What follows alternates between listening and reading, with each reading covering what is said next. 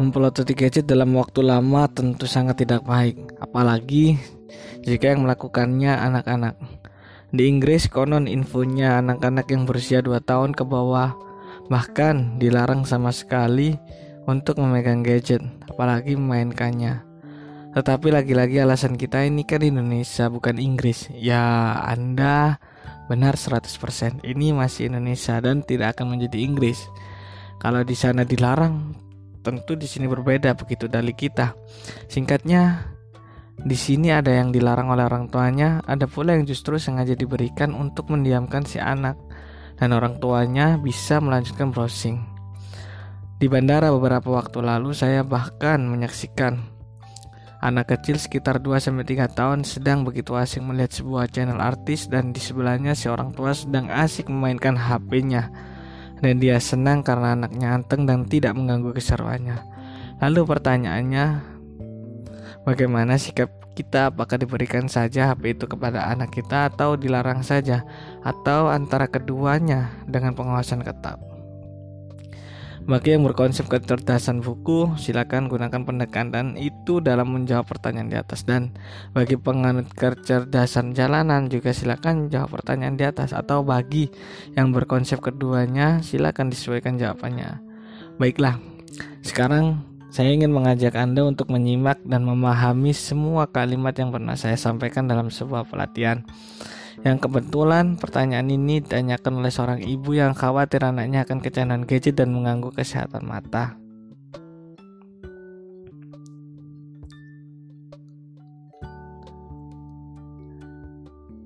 Anak kita sekarang hidup di zaman teknologi dan tentu saja berbeda dengan zaman orang tuanya kalau kita melarang anak kita untuk mengetahui teknologi dari dini, maka orang lain yang akan melakukannya duluan.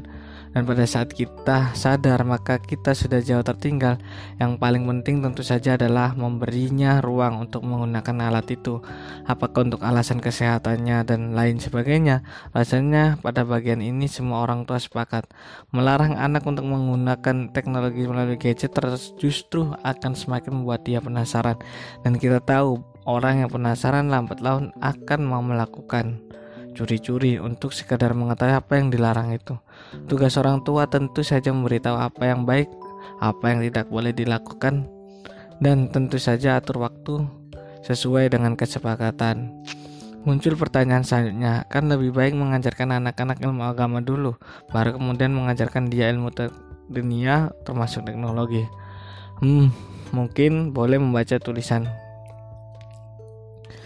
saya yang ini hati-hati bisa-bisa kita terjebak dalam penyakit tersebut. Poin pentingnya adalah zaman sudah berubah dan pendekatan pengajaran tentu harus disesuaikan. Jangan melarang terlalu keras anak-anak itu untuk menggunakan teknologi. Tetapi persis seperti kalimat bijak di atas ajari dia karena belum tahu, bimbing dia karena masih kecil dan arahkan dia ke jalan yang benar dengan menggunakan teknologi yang ada sembari tetap berada dalam real yang benar dan iman yang kuat. Tetapi selalu ingat ada hal yang mesti zaman berubah, tetapi ia tidak boleh berubah. Itulah nilai-nilai luhur seperti kejujuran, integritas, keimanan dan seterusnya. Zaman boleh berubah tetapi hal ini jangan.